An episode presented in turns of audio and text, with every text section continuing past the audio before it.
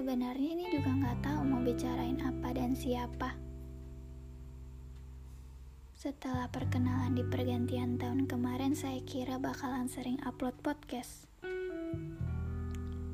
Tapi ternyata saya perlu sedikit fokus dalam beberapa bulan saat itu. Sebelumnya saya mohon maaf kalau misalnya kalian dengar suara di luar dari suara saya. Dan satu hal lagi, karena sampul podcast saya yang dulu kehapus jadi nggak apa-apa ya ganti sampul lagi. Namanya tetap ruang kisah kok. Nggak berganti ataupun tergantikan.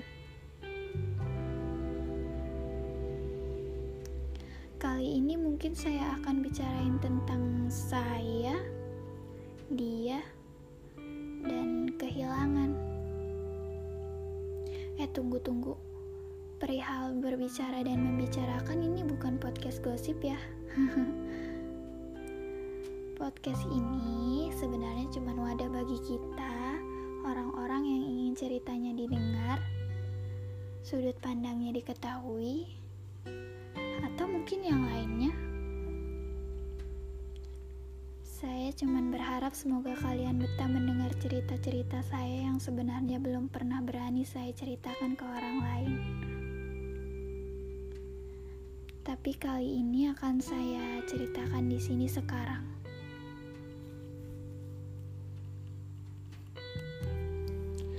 Kalian pasti pernah merasa kehilangan kan? Entah itu hanya perasaan kalian atau memang benar-benar nyata. Membicarakan kehilangan sebenarnya bukan topik yang menyenangkan untuk didengar punya kesempatan kita mungkin mau menukar apa pun asal kehilangan gak masuk dalam cerita hmm. saya sejujurnya juga tidak pernah mau menganggap kata kehilangan karena mungkin saja saya sebenarnya tidak pernah merasakan kehilangan karena yang saya rasakan juga bukan punya saya. Saya juga nggak pernah cerita ke siapa-siapa tentang segala hal yang hilang dari dunia saya. Kenapa saya simpan sendirian? Ya karena karena saya pikir kehilangan adalah hal sedih yang sepatutnya tidak perlu orang lain tahu. Mungkin begitulah.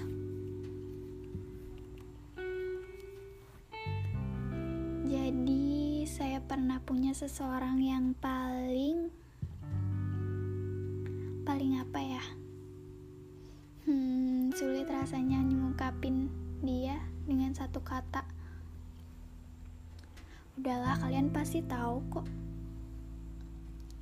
Saya yakin kalian juga pasti punya seseorang yang seseorang yang kalian kasih apa aja tanpa diminta seperti kasih perasaan yang tumbuh sendirinya tanpa perlu dirawat. oke, oke, kita terusin. Jadi, pernah ada sesuatu yang dianggap hanyalah sebuah kesalahpahaman yang sebenarnya jika diingat-ingat, hmm, manusia mana yang bisa menganggap itu sekedar sebuah kesalahpahaman? tetap aja kita terkadang diharuskan melihat sudut pandang orang lain.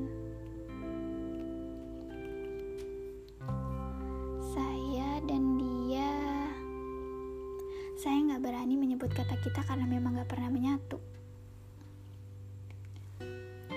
Saya dan dia udah jarang komunikasi sekitar sebulan saat itu saya berpikir bahwa mungkin dia perlu fokus sama satu hal yang menurut saya itu penting dan saya yakin juga dia nganggap demikian.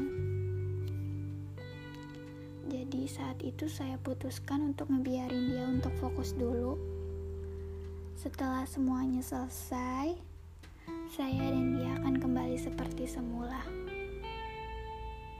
Awalnya saya pikir itu bisa.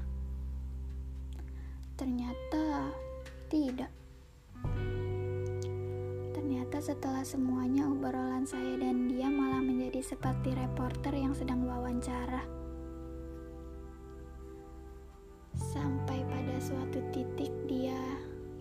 Semakin jauh, semakin jauh untuk dijangkau, semakin asing untuk diceritakan.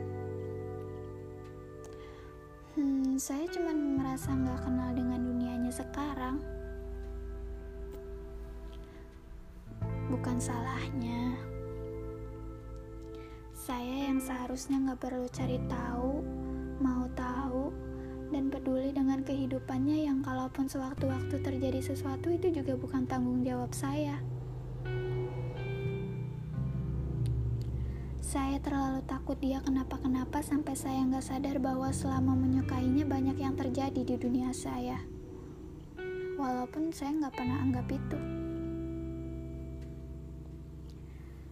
Saya mencoba untuk selalu menjaga perasaannya sampai saya lupa bahwa ada perasaan yang jauh lebih penting dari itu. Sembilan bulan. Eh, iya nggak sih? Iya, sembilan bulan. Sembilan bulan saya coba bangun pondasi yang sebenarnya sudah pernah saya hancurkan sebelumnya. Pondasi yang bangun saya sendiri, rasa sedih yang saya simpan sendiri, dan rindu yang saya ciptakan sendirian. Padahal dia tahu, dia tahu saya menyukainya hanya saja mungkin mungkin dia nggak bisa merasakan hal yang sama. Sampai akhirnya saya sadar bahwa bahwa saya memang gak pernah memilikinya sejak awal. Hmm, saya sedih sih, tapi saya sedih bukan karena semua udah harus selesai, tapi saya sedih karena saya gagal. Gagal untuk membuat pondasi yang kali ini seharusnya kokoh. Saya pernah berharap semoga saya selalu sanggup bertahan di sebuah rumah yang sejak awal gak pernah ada wujudnya. Saya pernah berharap semoga semesta tidak mengirimkan orang lain. Bahkan saya juga pernah berharap dia gak pernah ketemu sama apa yang dia cari, agar sebentar saja dia melihat ke arah saya. Tapi sayangnya semesta ternyata tidak memihak saya. Sampai hari ini, malam ini, saya sadar bahwa kalimat yang terakhir dia kirimkan adalah perpisahan. Masih banyak yang lebih baik. Mungkin dia ingin melakukan sesuatu dengan seseorang yang sudah pasti bukan saya dan itu itu pilihannya. Saya cuman kepikiran kenapa dia nggak kasih saya jawaban tidak sejak awal. Kenapa dia menarik saya dalam sebuah cerita yang nyatanya bukan sayalah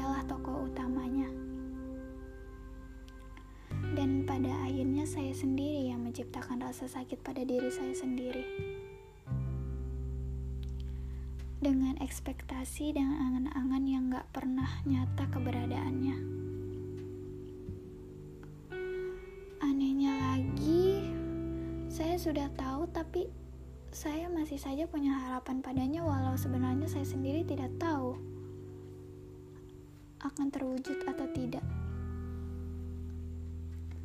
Selama langkah ini masih dibayang-bayangin sama dia, gak akan ada yang berubah. Harapan saya kali ini cuma satu.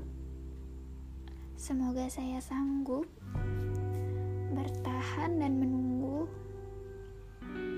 sampai begini-begini. Sebenarnya sesuatu yang hilang bisa saja kembali entah itu dengan wujud yang sama atau dengan wujud yang lebih baik. Saya juga pernah bilang di akun Twitter saya, nggak apa-apa kok kalau misalnya saya gagal sama dia di masa lalu. Tapi kita berdua harus berhasil di masa depan ya.